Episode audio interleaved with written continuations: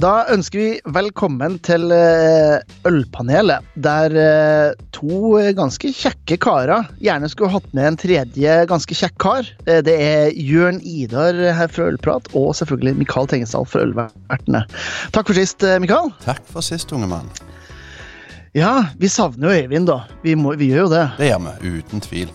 Ja. Men det er hardt å være en brygger. Det er travle tider, opp tidlig og seint i seng, og da må de prioritere tida si. Ja da, det, det er lett å forstå det. Eh, det også er det jo mer fysisk. Det har jeg tenkt på liksom, hvorfor, eh, hvorfor det er lettere for sånn som meg og det å kunne prioritere det her. Nå er det jo selvfølgelig familie og alt det som er rundt, har jo bitte litt å si, da. Men jeg tenker det, det er jo, vi har jo ganske sånn her eh, ikke så fysiske arbeid, jeg og du, i forhold til det han har som driver og slenger rundt på på det en og andre i, i bryggeprosessen. Kanskje det da? Er Mer fysisk utslitt. Det skal du ikke se vekk ifra. Jeg er bare en bartender, så jeg er verken fysisk eller psykisk utslitt. Jeg bare, jeg, jeg bare er her. Så nei da, det, det er ikke tvil om det. Så uh, meg og Øyvind heiv oss inn på et treningsstudio i år, for det skulle vi begynne på. Og jeg tror vi var på treningsstudio for tre måneder siden sist, så Ja. så det, men det er, jo med, det er jo ikke verst, bare det. nei, det var en god start. Så nå er det bare å henge i og, og trene seg opp til juleribba. Det er fortsatt muligheter, vet du. Ja. Julekropp, julekroppen 2023. Det er så kjipt, så kommer den dumme sommerkroppen etterpå. Eller den har jeg aldri brydd meg om, så den skal gå ganske greit. Nei. Nei, det, det har blitt sommer uansett hvilken kropp jeg har hatt eh, en, så langt i, i livet mitt, i hvert fall. Heldigvis. Heldigvis. Men bare mens vi sporer litt av, hva er favoritt-årstida di? Uh, jeg tror det er sommer. Ja. Eh, jeg har alltid syntes det var våren, eh, men jeg tror det har vært litt sånn kobla til uh, hatt bursdag. Ikke sant? Så jo eldre du blir, så betyr dessverre bursdag betyr mindre og mindre ikke sant? jo eldre man blir. Fram til man blir 40 og 50 og 60 og 70, og så bryr man seg ikke om det igjen. Så jeg tror det er sommeren. Jeg tror det er rett og slett fordi at etter hvert som jeg også blir gamlere, så, så syns jeg, jeg synes det er mer komfortabelt ja. med sommer. Jeg kan gå i shorts. Jeg går i shorts nå, da, selv om det er nesten oktober, da, men uh, uh, jeg, bare liker, jeg liker sommer, altså. Jeg slutta med shorts for to uker siden, og i går så hadde vi vel 18-19 grader. Da kjente jeg jeg kunne gått Ja. på shorts igjen. Så Ja, ja, ja. Enn du, da? Hva er favorittårstiden? sommer. Jeg, ja. jeg, eh, jeg liker veldig godt å gå i shorts fra mai til september. Og, jeg, sommer er tida for meg. Mm. Så i Ja, år det er vi enige om, da. Ja, så I år så har jeg faktisk gleda meg litt over høsten for første gang tror jeg, i mitt liv. Ja. Så, så det er positivt. Ja. ja, vi skal faktisk innom det her med sesonger i hovedtemaet vårt. Vi skal snakke litt om sesongøl. Eh, vi skal selvfølgelig ha dilemma, men, eh, men eh, vi kan ta litt ting som har skjedd siden, siden sist, kanskje. Eh, kanskje jeg skal være så frekk å starte eh, denne gangen? Det frekker jeg litt til. Det liker Ja, ja. Det, det er innafor Ja. er litt tidlig på dagen her. Eh, nei, siden sist så har jeg jobba. Eh, og vi tar opp det her eh, eh, Jeg kan avsløre at vi tar opp det her uka før vi publiserer det. Så det er torsdag i dag. Og i morgen, fredag, så er det Da, da tar jeg helg. Og det er da Det avslutter da en 60 dagers arbeidsuke. Ja, det høres jeg ut som ei god uke. Jeg har sagt det. Det er sånn sju ukers arbeidsuke. Uh, så det blir, litt, det blir litt deilig. Men det har vært mye, vært mye jobb. Jeg har jo selvfølgelig frisbeegolfen har jo vært, uh, har tatt mye tid. Og så har det vært en del uh, morsomme saker. Og det morsomste, det må jeg si, det var kulinarisk ølsirkus i Brønnøysund. Da tok jo det her eh, konseptet som er jo gjennomført i, på Grorud. Eh, på Grorud så hadde vi jo Det var jo masse folk, for er et større publikum og brukte lengre tid og i hele tatt på, på det. og Fem bryggerier og hele tatt. Men vi tok liksom essensen av det. Eh, øl og mat i kombinasjon. Fem forskjellige øl, fem forskjellige bryggerier. Og så en sånn her, en liten manesj, da. Eh, der jeg kan stå og fortelle om øl og historier og smakskombinasjon. Og så blir det her servert, da. Og det var dritartig. Eh, fordi at det var det var kanskje to ut av de 45 som var der, som var ølnerder. Og hvis det er sjenerøst, kanskje ti av dem som var litt over gjennomsnittet ølinteressert. Og, og det, var, det var flere som var der som ikke drakk øl engang. Uh, og det var så deilig å liksom få denne følelsen sånn, sånn som i gamle der. Når vi liksom uh, fikk folk til å se lyset, da. hvor bra noe var. Det var en som sa det bare, det her ølet her det var helt jævlig, og så fikk jeg servert med den her finnbiffen, og da var det helt nydelig. Så jeg bare Ja! Nå, nå, nå er det Oceana, og uh, altså, oppstandelsen er nær, ikke sant? Så det, nei, det var helt, helt rått. det, det er konge. Så- Ja, det, for det, det, var jo, det var egentlig det her som jeg, som jeg liker med øl. ikke sant? Eh, det med at man føler at man kan gjøre en forskjell. Det er ikke dette noe gærent med alle dere millioner og millioner av ølgærninger som hører på det her. altså. Eh, det er ikke noe gærent med dere, men dere vet liksom. Dere vet forskjellen på en malt og en humle.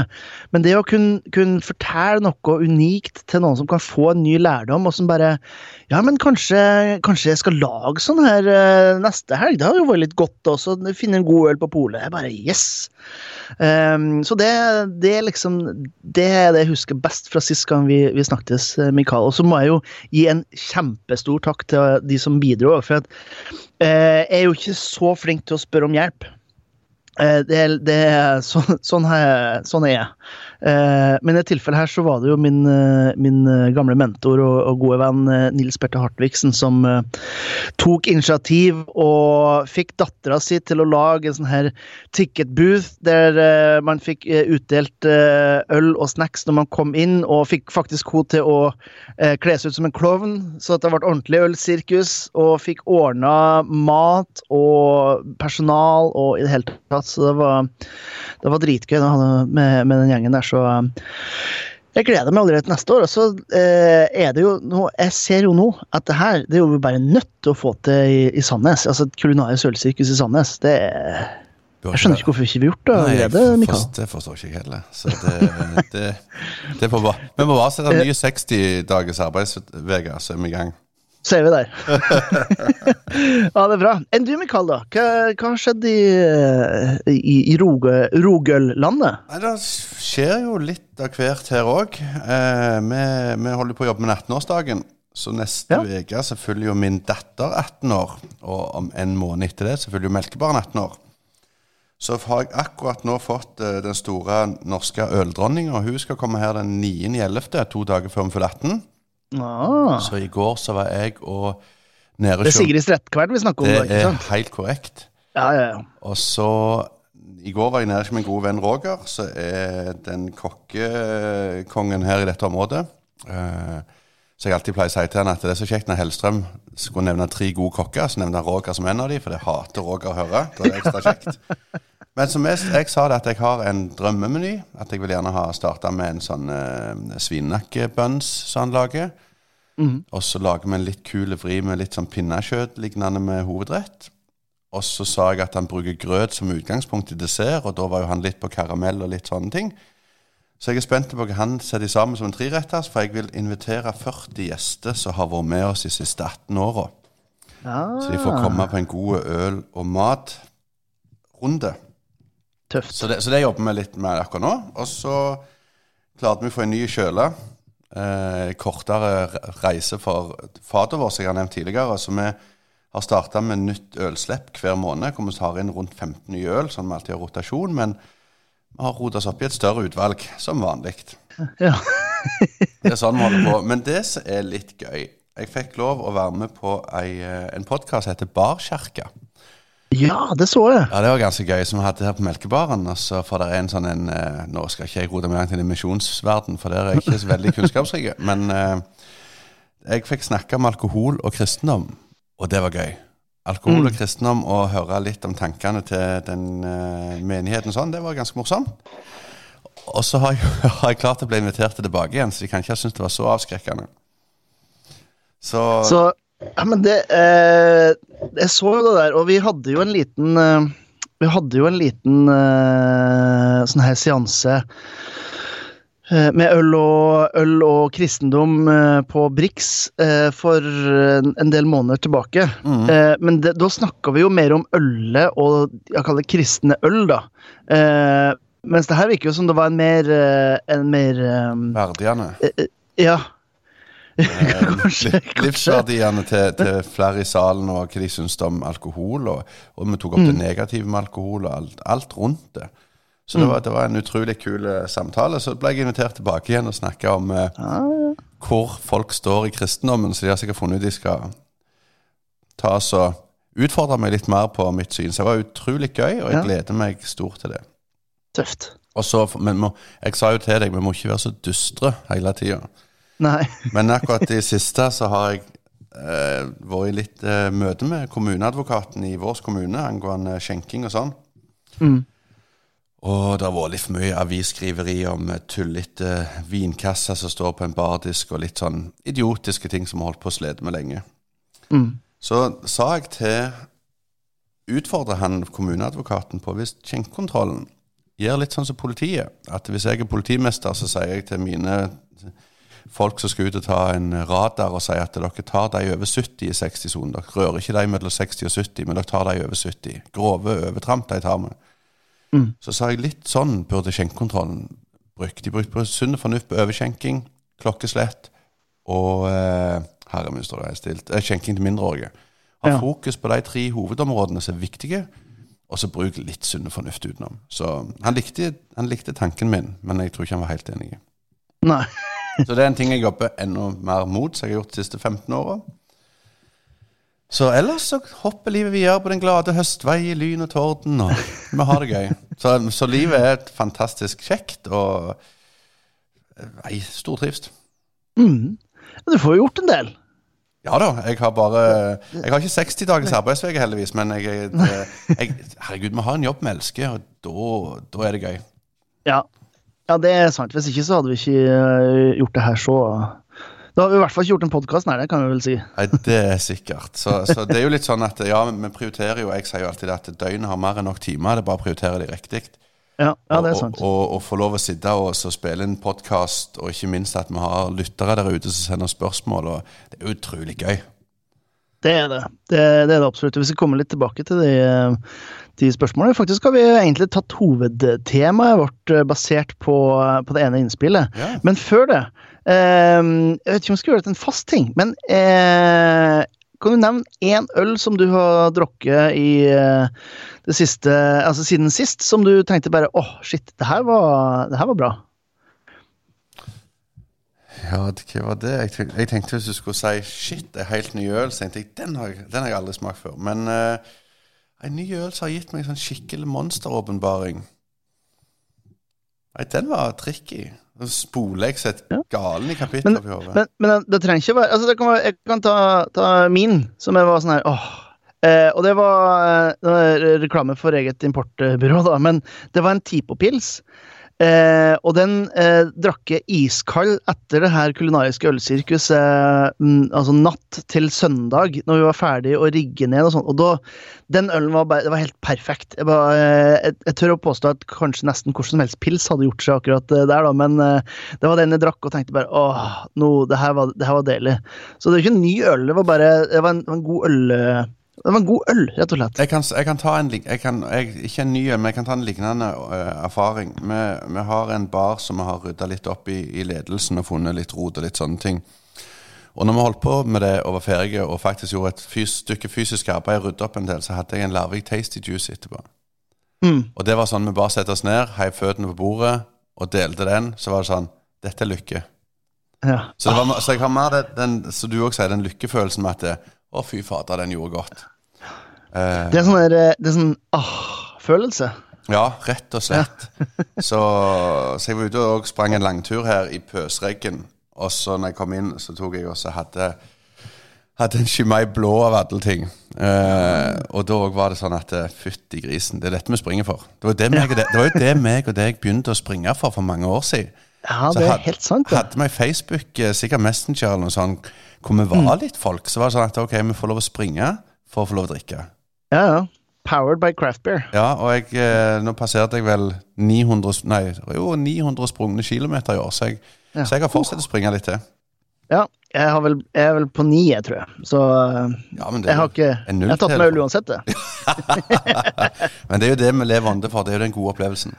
Ja, det er sant, det. det, er sant det. og, jeg, og jeg er helt enig med deg at vi får jo den opplevelsen med plassen, med opp, liksom omgivelsene, med den øla, er, er jo vel så viktig så mange ganger som selve øla. Ja, ja jeg er helt, helt enig. Vet du hva øl jeg fikk lyst på nå? Nei. Modus operandi. Oh, Åh. ja, du har jo et eh, spesielt eh, kjærlighetsforhold Ja, jeg har det. Den, på grunn av Sean Casey Moen, eh, som jeg var i Nøgnø før i tida, så har jeg den Når han kom med den i eh, snø og shorts som vanlig, så var det Nei, hei, konge. Ja, det er bra. Nei, vi, må, vi må gå inn i, i hovedtemaet her før at vi blir for tørste, tror jeg. Ja, det må vi gjøre. Og eh, dagens hovedtema er inspirert av et eh, spørsmål som kom fra Henning Stenberg eh, på Facebook. Han spurte egentlig juleøl. Hva foretrekk, eh, foretrekkes klassisk som kommer igjen hvert år? Eller noe nytt til julesesongen. Og jeg tenker bare, her, vi, kan, vi kan ta det her litt og kjøre det til, eh, til sesongøl generelt. Eh, og der er det jo noen ting som eh, kommer igjen og igjen, eh, som man alltid vet er der. Og så er det en del ting som er som personlig ønska. Altså, nå er vi jo inne i september. Det her er jo siste helga det er offisielt er oktoberfest i, i eh, München. Eh, og det betyr jo egentlig at oktoberfest eh, Festivalsesongen begynner her i Norge, for at vi tror at det er i oktober, mens det egentlig er i september. Men det er jo en helt annen podkast, tenker jeg. Eh, men eh, når jeg er ute i butikkene, eh, så da husker jeg jo eh, Hansa. eh, Bare i fjor hadde jo sin høstøl. Eh, Jeg husker jo med glede Oslo Brewing sin oktoberfestbier. Eh, Men jeg ser ikke så veldig mange sesongøl fra noen egentlig ute nå om dagen. Og det gjelder egentlig flere sesonger med, uten, altså med unntak av juleøl, selvfølgelig. Eh, du som jo driver en bar, og som har ganske god rotasjon på, på linjene dine. Eh, er det her med eh, sesongøl noe dere tenker på eller savner, eller er det bare ja, men juleøl det er sesong, og så eh, resten av året da tar vi bare en variasjon av stiler? Vi har nok blitt litt mer til at det er juleøl. Eh, før så var det Jeg følte at før så kom det en eh, gjeng med Saison kom fykende i, i gjerne ja, i rette årstider for det. Det var oktoberøl når det skulle være. Eh, og og jeg, når du snakket om det med Hansa, sånn, så følte jeg at jeg har sett Ringnes Ikke nå, men for fem år siden og lenger tilbake igjen, at det var liter krus med Ja, boks ja, oppi. de hadde de store boksene. Ja, og, og det, jeg føler ikke jeg har lagt, jeg har ikke lagt merke til det på lenge. Eh, Jeg har fått et par henvendelser fra leverandører i år med, med oktoberøl, men det, er, det har stoppet med et par. Så jeg føler jo at den oktoberølfestinga har roa veldig ned. Og det er jo som du sier, at det rocker i München i september, men vi tar det i oktober. Eh, så, så, så jeg føler at vi, vi, vi er ikke der som vi en gang var, spesielt med den oktoberølen. da. Nei, og jeg, eh, altså, jeg ser jo litt sommerøl også, men det er ikke så mye. Det er noen av de her som kommer igjen og igjen, selvfølgelig. Eh, gjerne fra de store. Eh, Rosa kinn kommer jo, for eksempel, som jo et, et deilig sommerøl. Eh, men jeg vet ikke. Altså, jeg, jeg vet ikke hvordan det er med det, Mikael, og- eller de som lytter på, men, men jeg drikker jo jeg drikker jo øl ut ifra sesong, som oftest. Eh, noen ting kan jeg drikke liksom året rundt. Jeg kan drikke en, en pils, kan drikke året rundt, en IPA kan drikke året rundt. Men når det blir liksom, ja, sånn som den tida vi går inn i nå Jeg tok jo Nøgnø Imperial Brown Ale her eh, forrige uke. Eh, det var liksom den første sånn mørke ølen. Og tenkte jeg, åh, nå, Det var litt kaldt ute, jeg fyra i pesen og tenkte åh, nå er det høst. Ikke sant? Vi begynner å nærme oss eh, november. Da blir det jo gjerne enda mørkere med noe Imperial Stouts og hele tatt. Og så kommer vi over eh, kommer vi over kanskje i sånn mars, og da begynner det litt lettere. Begynner mot saison og trippel og denne typen ting. Eh, så jeg drikker jo mine øl ut ifra sesong. Og da, jeg skjønner ikke hvorfor ikke bryggerier og vi som ølfolk vil ha mer sånn sesongøl, rett og slett. Nå, nå trodde jeg først jeg skulle få kjeft for den barnslige kommentaren min på posten din på Facebook, men det gikk fint forbi. Uh, Ja. men, Du kan få det hvis du vil. men men, men jeg, jeg, jeg, jeg tror nok Hva skal jeg si? Gjerne litt med IPA-en og Neipaen som de inntok de siste åra. At det, det virker som bryggerier mer brygger mye humleøl og gjerne litt mindre sesongøl. Ja. At det gjerne blir de to store sesongene, lyst og mørkt, for å sette det veldig inn, inn i en enkel kategori. At det blir vinter, så blir det stout, juleøl og lignende. Og så kommer vi rett over til mars til oktober, så går det mye lettere. At det, det, det viskes gjerne litt mer ut bare med de to store. Jeg, jeg vet ikke. Mm. så, jeg tror òg noe av risikoen, eh, eller risikoen, noe av grunnen er jo sikkert da at de er redd for å brenne inne med, da. Ja. Eh, ikke sant? Så når du lager Utfordringa når du lager en juleøl, det er jo at du kan ikke selge den 25. desember. Altså, du kan selge den, selvfølgelig, men den kommer ikke til å selge. Eh, så det betyr at du må selge alt juleølet. Det må, må jo være solgt. Så liksom, du er en sesong som er veldig definert. Og når det kommer til ting som ja, det er en påskeøl, for eksempel. Eh, det, var, det, hadde jo både eh, Kinn vet ikke om har det lenger, men eh, de hadde en. Det samme hadde Nøgne Ø, hadde jo God påske. Ægir hadde jo påskeøl.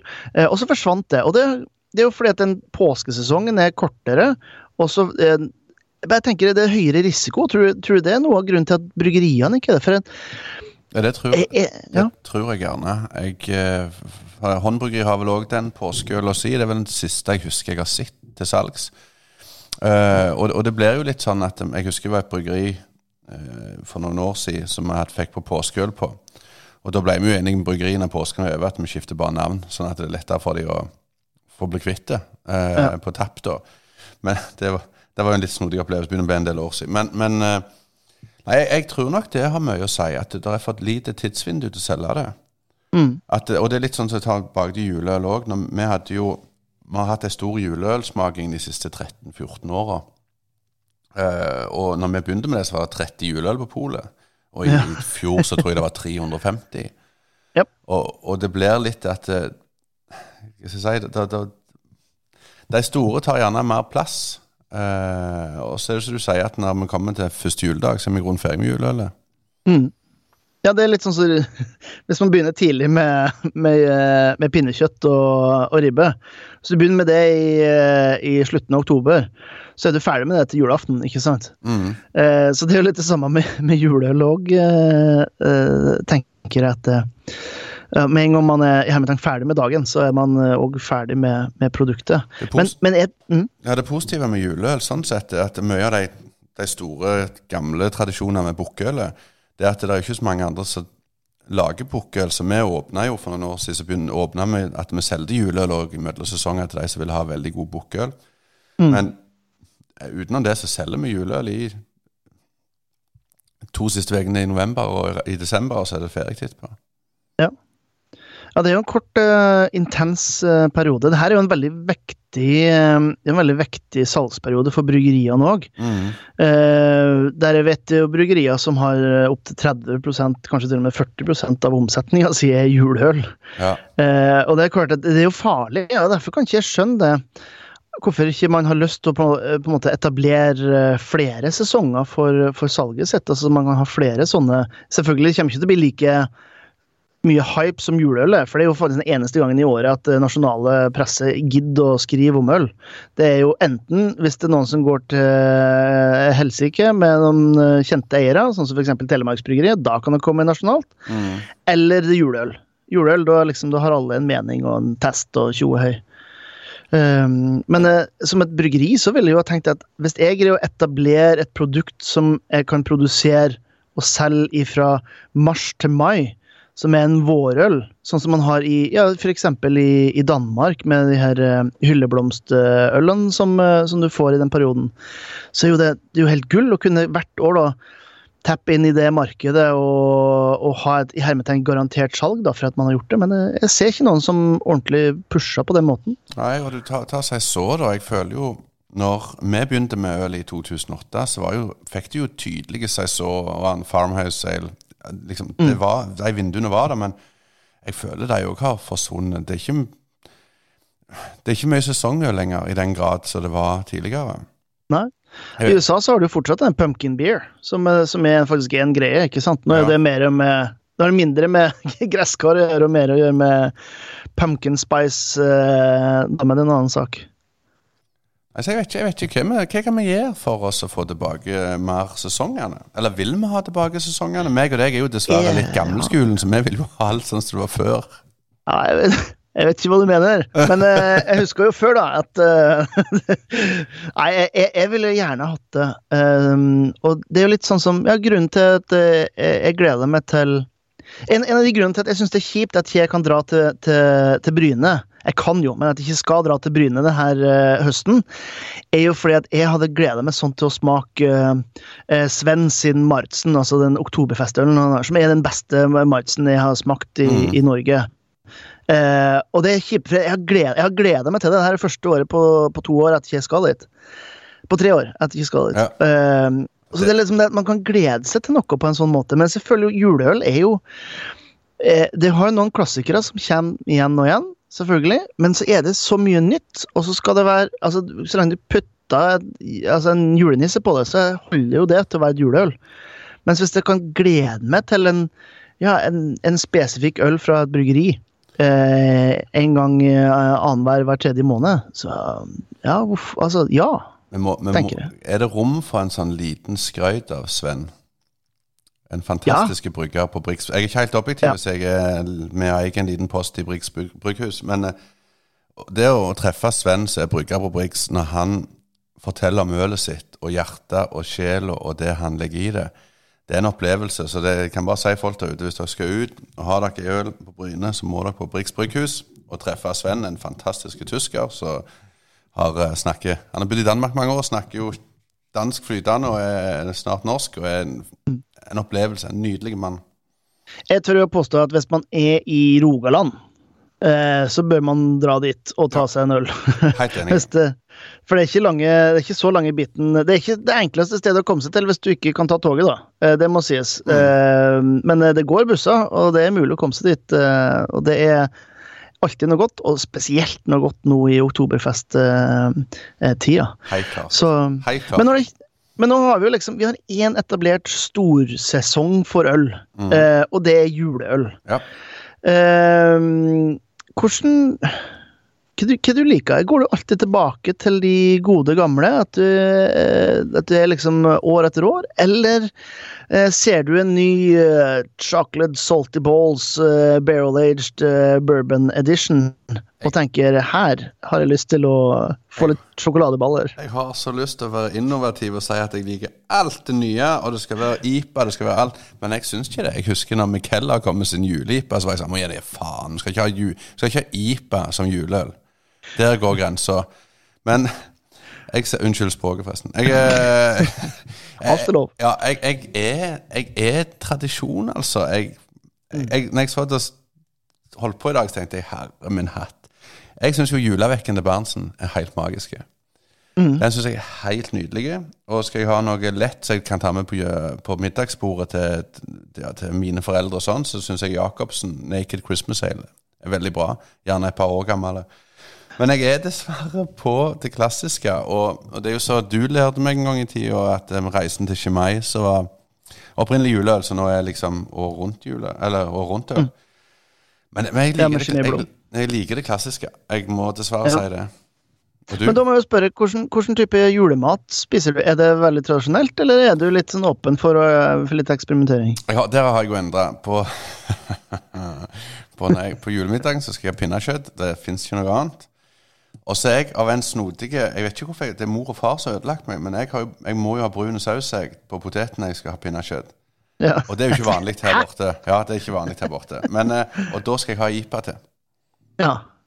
Og eh, ja da, da skal Så det skal være det gode gamle på tallerkenen, eh, men det skal være noe nytt og moderne i glasset. Yes! Men, men når du skal ha juleøl, så skal det jaggu meg ikke være noe nytt og moderne. Da skal det være noe gammelt og kjent og kjært. Ja, hvis jeg, hvis jeg sitter framfor peisen, det bildet vi skal skape oss nå, med snøen som laver ned aldri her borte, men alle andre plasser i Norge, så syns jeg jo det der med å ha en, en, en god, tung Gjerne Ringnes julebukk, for så er lett tilgjengelige, iallfall på alle pol og alt sånn. Men å, å sitte og nyte den et par timer og få mer temperert i, i glasset, er jo helt nydelig. Og der kan du bare glemme med IPA. Du lar ikke den stå to timer i et glass. Men eh, jeg syns, jeg syns ei, ei god, eh, god IPA passer godt til en så salt mat. Ja, dere, mitt, eh, mitt sånn her eh, Mitt juleøl er jo ikke overraskende linka til mat. Eh, Så hvis jeg skal Jo da. Eh, Så hvis jeg skal ha mat, så blir det veldig ofte klassisk. Og det er jo fordi de klassiske stilene eh, er gjerne litt mer balansert, og jeg syns det passer bedre med mat. ikke sant? Du, du nevner Ringnes julebukk eh, som et eksempel. Det finnes mange andre gode eksempler òg. Men da blir det gjerne, da blir det gjerne noe klassisk med hensyn til juleøl. Mm. Så julemiddagen min er jo, er jo alltid ribbe. Uh, og så lager jeg gjerne to eller tre forskjellige varianter, sånn at det er en plain og så er det to med forskjellige smaker. Og da, da drikker jeg alltid en tre år gammel Magnum Chimay blå. Uh, for det kjøper jeg to av i året, og det har jeg gjort i så mange år at nå begynner det tre år liksom som de eldste. Mm. Helt nydelig. Eh, åpna den.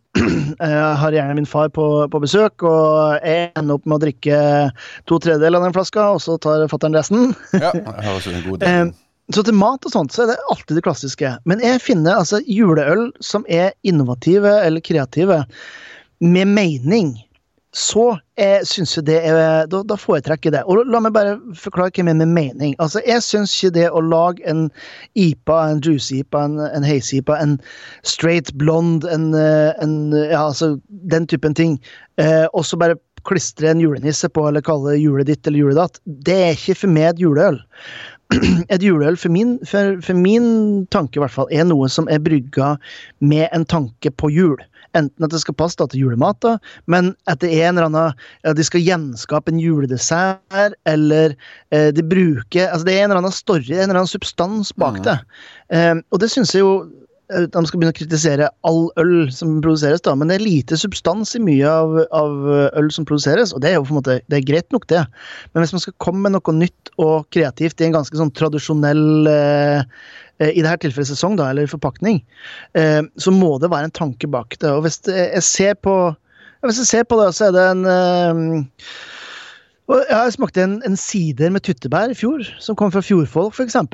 Helt altså, Jeg hadde aldri tenkt at det skulle liksom være en juledrikke, men når jeg fikk smaken, så bare Fy flate, det her er jo, det er jo helt perfekt til, til vilt, f.eks. Som jo jeg har gjerne når det kommer i, i romjula. Eh, da er det mening. Men bare å, å lage en julehazy IPA, eh, er, da, da mister du meg. Men, eh, men eh, noe nytt som har en forankring i et eller annet eh, julete, om så at det er tørrgrana, eh, så er det bedre enn en bare en vanlig hazy-IPA. Så sånn, sånn tenker jeg på det. Hvis ikke så er det for meg et litt sånn hult produkt som er laga bare for å selges, og da kan jeg liksom bare kjøpe en vanlig IPA istedenfor å ta en som står hjul på, bare for at det, det er hjul. Hjertet i produktet, rett og slett. Ja, rett og slett. Um, ja, uh, så det, det er min tanke, tanke på det. Ja. Så, så får vi se, da. Dere må jo gjerne, dere som hører på, må gjerne, gjerne gi oss tilbakemelding av hva dere tenker på det. For at uh, juleøl, sånn som vi drikker det i dag, er jo ikke norsk juleøl. Det er jo, alt er jo adoptert fra andre land. Vi tenker liksom ja, Ringnes julebok, det er liksom den klassiske juleølen. Uh, det er så langt unna et klassisk norsk juleøl som du kan komme med Eh, hvis man går ordentlig tilbake i tid. Og her er jo bare å, å gå rett inn på larsmarius.blogg.no, eller hva det er for noe han har for noe. Eh, men i hvert fall søk opp Lars Marius og se hva han skriver om, om juleøl i Norge, og hvor annerledes det er. Eh, og så er jeg jo litt glad for at det innimellom kommer et sånn klassisk eh, norsk juleøl fra enten Trøndelag eller fra, fra, fra Voss, eller hva måtte være, han som tar det tilbake til tradisjonene. Som når man smaker på det alene, så bare Oi, det her er jo ikke juleøl. Eh, men det er jo det som er juleøl, det er bare at vi har blitt eh, eh, hjernevaska Ja. av eh, den store industrien og industrialiseringa. Stemmer det. Han høres ut som en Rødt-politiker her. Jeg skal være forsiktig. ah, eh, nei, men det er bra. Eh, ellers har vi fått, du nevnte jo, så jeg så her sånn, vi har fått et annet, eh, et annet eh, innspill her fra fra Fredrik eh, Enderød på, på Facebook. Og det her er eh, Nå tar vi egentlig litt forbi eh, forbi juleøl og, og den diskusjonen, og egentlig inn i noe litt annet. og egentlig, litt- egentlig det jeg snakker om også. Men, eh, men eh, skal vi se så Klassiske versus moderne, sur versus ikke-sur. Um, og, og egentlig litt sånn drodling, eh, drodling rundt uh, forskjellene på det her. Og det, det, det er det jo Det finnes det jo en bok som er skrevet om uh, Saison Bière de Garde, som er helt nydelig, som jeg ikke husker. Uh, Saison uh, Book Nå er det uh, jeg, jeg finner den ikke i farta, men jeg har skrevet en veldig bra bok eh, om det her. Um, som jeg, jeg syns dekker det ganske bra, fordi at den kommer egentlig fram til det at uh, Saison eh, er en stil som varierte fra gård til gård. Eh, og det ville ha vært litt surt, og det ville ikke vært litt surt. Og helt tatt. Og så har vi, når vi har kommet med våre stiler, og satt opp liksom Det her er 130 stiler, som, eh, og det er sånn skal alt smake, så her er parameterne på farge, og i hele tatt så har vi egentlig begrensa Vi har egentlig begrensa eh, eh, hva en øl er, da. Så en tradisjonell Altså en, en, en gammel saison. Uh, var jo ikke brygga for å passe innenfor parameterne, men moderne seg så, eh, gjør jo det. Eh, og det er jo litt sånn det er litt interessant å høre hva du tenker saison. og han nevner jo blant annet at han har fått servert en del syrlige saison fra USA. så hva, hva, er en saison for det, og syns du det er greit at den er sur eller ikke sur? Jeg ser vel òg litt på som en saison mer som den type sesongøl som jeg i hvert fall mener jeg har lært at det skal være. At det var jo bare noe som ble brukt for de skulle drikke det til, til innhøsting og lignende. Mm. Så, jeg, så, jeg, har ikke hatt noe sånn veldig rent at sånn skal en saison være. Jeg ser litt på hva det går i, og så, og så, og så nyter jeg det derifra. Jeg, jeg, husker jeg var veldig fan av den der Boulevard sin Farmhouse Sale ja. en gang i tida. Lenge siden jeg har drukket den, altså. Men, men eh, for meg så forbinder jeg bare Jeg liker det trenger ikke være for surt, det vil jeg ikke ha. Uh, for jeg, liker, vil ha litt, jeg vil ha friskheten med. Men, men, det er ikke den ølstilen jeg har jeg, jeg, ser på det som ei veldig lett og frisk og god øl uh, i, når vi nærmer oss inngangen til sommeren, for meg. Sånn mm. tenker jeg på så. Ja. Uh, men det er lenge siden jeg har sett meg ned og analysert stilen, så jeg kjenner jeg er litt blanke på, på måte. Eh, Boka heter for øvrig 'Farmhouse Ales eh, Culture and Craftsmanship in the Belgian Tradition', skrevet av Phil Markowski. Unnskyld. Eh, en fantastisk eh, eh, interessant eh, bok, i hvert fall. Og jeg, og jeg må innrømme at jeg, jeg elsker jo saison. Det er jo en mm. helt nydelig matøl. som du sier, for meg så er den Og jeg vet ikke helt hvorfor så er det òg en sånn her vårøl, vårstil. Eh, og det er litt feil som hvis man ser på i forhold til når den blir brygga, for den blir jo brygga gjerne for å drikkes av de som eh, var på gårdene og gjorde eh, slåtten, ikke sant. Det var jo på sommeren, ja, kanskje ja, tidlig sommer, sen sommer ut mot høsten. Mm. Eh, men jeg også forbinder den med, med, med det. Og jeg må si at Eh, det, det, her husker jeg var en diskusjon for en åtte-ti år siden òg, eh, når det kom en del sånne sure, direkte sure eh, saison. Eh, og da var det vel egentlig konsentium om at eh, det, det er ikke sånn at de skal være sur hvis man skal følge stilen. Eh, så det var egentlig en sånn her Det føltes ut en stund som at eh, ja, hvis det ble litt sånn vilt og gærent og hadde litt sånn rare smaker, så kunne man putte seg så på det, og så, så var det greit, liksom. Så jeg tror jeg så en sånn stil som har, eh, har lidd litt under å ha blitt en oppsamlingsbegrep for, for lyse, overgjæra øl som kanskje har litt annerledes smak enn en vanlig pale eller blond. Mm. Og det vil jeg jo føle at det, hvis du tar en West Coast IPA, så får du stort sett den samme røde tråden i det. Og det føler jeg gjerne at mm. så kan sprike litt mer, som du sier. Ja. Så. Kanskje sesongen er på en måte ølstilenes svar på juleøl? Altså, det er en sånn oppsamlingsgreie med mye forskjellige smaker i. Ja. Da, så... da har vi løst det òg. Så jeg, jeg, jeg, må jo innrømme, jeg har jo en, jeg har jo en batch 1000 stående hjemme fra Syfjell, som jo er en black saison, som jo er så langt unna en original saison som du kan få det. Men det er jo en annen historie for en annen tid, tror jeg. Hva man, sånne da. Fantastisk. Nei, men bra. Du, Mikael, skal vi, skal vi ta et lite Skal vi ta et dilemma? Ja, det syns jeg vi skal. Skal jeg starte? Du, ja, det kan du gjøre. Jeg starter jo på eh, å skryte av meg sjøl i stad, så da kan du ta og stille meg til veggs nå. Og Du har jo innleda med det sjøl, men jeg må jo si, først må du si at du er jo veldig veldig, veldig frisbeeinteressert. Og du arrangerer jo turneringer og alt som fylles med kan. Så da mm. er jo mitt dilemma. Eh, du skal få bruke de tre neste årene på å reise rundt i verden, spille alle banene du ønsker. Du får nok penger utbetalt til å betale regninger hjemme for at familien får hjula til å gå rundt mens du reiser rundt. Og du får enkel og sunn mat. Ingenting spennende, ikke noe fint, ikke noe fastfood, men bare enkel og sunn uh, knekkebrød og lignende. uh, og du får kun drikke saft. Det er alt du får lov til deg de neste tre åra. Eller så må du legge vekk frisbeeren i tre år, drikke den beste øla og få para det med den aller beste maten, og økonomisk akkurat nok til å få hjula til å gå rundt, Men du kan ta deg en ekstrajobb på McDonald's med 500 rundt timen, og du kan jobbe der ti timer i måneden som ekstrainntekt hvis du vil. Og da får jeg drikke, vil. Da kan du drikke hva du vil. Ja. Jeg ikke bare må drikke på McDonald's, liksom. Nei, nei, nei. nei.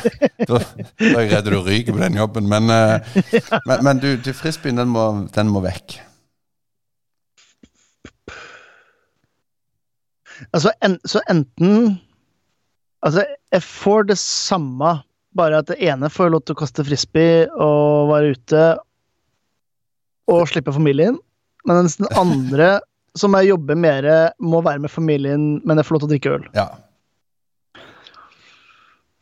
Så tre år med Tre år uten familiesaft, eller tre år med familien og øl, men uten frisbee. Og nå, nå, det er nå du skal ta det store valget i livet ditt. Hva er det egentlig? Hadde du sagt ett år, så hadde, da hadde jeg lett sagt frisbeen. Men når det er snakk om tre år, så er det, det er fryktelig lang tid å ikke drikke noe annet enn saft, altså. Ja. Nei, det Det blir det, Jeg tror det blir um, Jeg tror Jeg tror det blir Mækkern, altså. Jeg tror, jeg tror det blir ekstrajobb på Mækkern for å finansiere min, min tørste for, for god lesk, altså. Fantastisk. Det tror jeg. Da tok du et viktig, fundamentalt valg i livet ditt. Ja, men det, jeg skal skrive det i, i forretningsplanen min, det der. Ja, det Fantastisk. Ok, mitt, mitt dilemma er litt enklere. Um, du uh, skal i løpet av de neste fem årene så får du ikke lov til å drikke hjemme, du må bare drikke på eh, ditt stamsted. Og det stamstedet her, det har enten altså akkurat den typen øl du har lyst på. Alle dine favoritter, modus operandi, det er Chimay blå, det er noe rart juleøl med, med, med kirsebær og laktose. Det, altså det, de har alt du kan tenke deg. Men på anlegget så spilles det bare pling-plong-musikk. Altså moderne jazz. Det spilles noe eksperimentalt. Eh, eh, ungarsk eh, polkaband. Det er rett og slett det er liksom, Du får litt sånn gnagsår i ørene. Det her er de neste fem årene, å huske. Men som sagt, ølutvalget er veldig veldig bra. Eh, men du må høre på denne musikken da, som, eh, som gjør det litt stressa. Eller Stamstedet ditt har altså den perfekte ølmusikken. Og her går det bare ut fra at de skal spille både ACDC og De Lillos og alt, alle, alle klassikere nede. Alt du har lyst til å høre. Men det eneste du kan ta og få drikke, det er Tuborg Lite.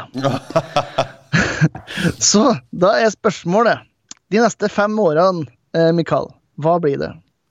Fem år på danskebåten høres det ut som. Fy fader. Uh, jeg, jeg, har bodd Ok, nå er jeg ikke i Oslo-målestokk, men jeg har bodd i en veldig trafikkert vei i Rogaland-målestokk. Og du blir jo immun mot trafikken. Du overhører jo trafikken. Og det var ingenting sagt om jeg kan skru opp eller ned musikken. Så gjerne hvis jeg påvirker og blir en god kunde, så skrur gjerne bartenderen ned litt den musikk. Ja.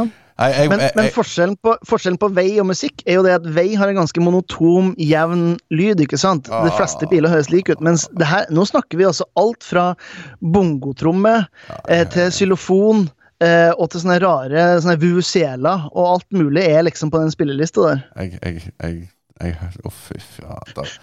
Nei, men jeg, jeg har ikke lyst på Tuborg Lite. Unnskyld, det er ikke noe negativt til dere som bruker Tuborg Lite i denne verden, men uh, jeg klar, eh, da kan jeg heller uh, Da vil jeg heller ha drukket No Worries i de tre åra. Men jeg da tar eh, Og det er veldig god alkoholfri øl, bare så det er sagt. Men jeg, jeg, eh, jeg går for den der galne musikken. Faren er jo at jeg havner på et galehus etterpå. Det, det kan godt hende du er på galehus allerede når du kommer inn der. det det kan godt være. Jeg tar galehus, men jeg får i hvert fall nyte god øl. Så det får være trøsten. Ja, men det er bra. Da blir det altså moderne jazz og frisbeegolf på oss etter denne episoden her. Fantastisk. Det er, veldig, det er veldig bra. Men da er vi jo til enden av denne episoden av eh, Ølpanel. Jeg håper jo dere som hører på, eh, allerede har trykka 'abonner' på Ølvertene og, Ølprat. Hvis dere ikke har gjort det, så er dere bare eh, programforplikta til å gjøre det med en gang. Og så tips gjerne noen, da. For at, eh, vi prøver jo gjerne å, å, og, få nådd ut til litt eh, flere folk, så vi kan få mer, ja, rett og slett eh, mer ølgærninger med oss. det, det, er måte, det er jo det som jeg syns gjør eh, øl bra. Det er jo trist å drikke øl alene, men hvis du kan drikke det med, i et godt selskap, det er jo da meninga med øl virkelig kommer fram i mine, mine, øyne. Så la oss få med litt flere folk på det her øltoget, sånn at vi, vi er flere. Eh, før vi før vi eh, sier ordentlig eh, farvel. Eh, Mikael, har du noen, noen, siste ord til folket der ute? Drikk godt, hør god musikk. Amen. Takk for praten. Ha det godt.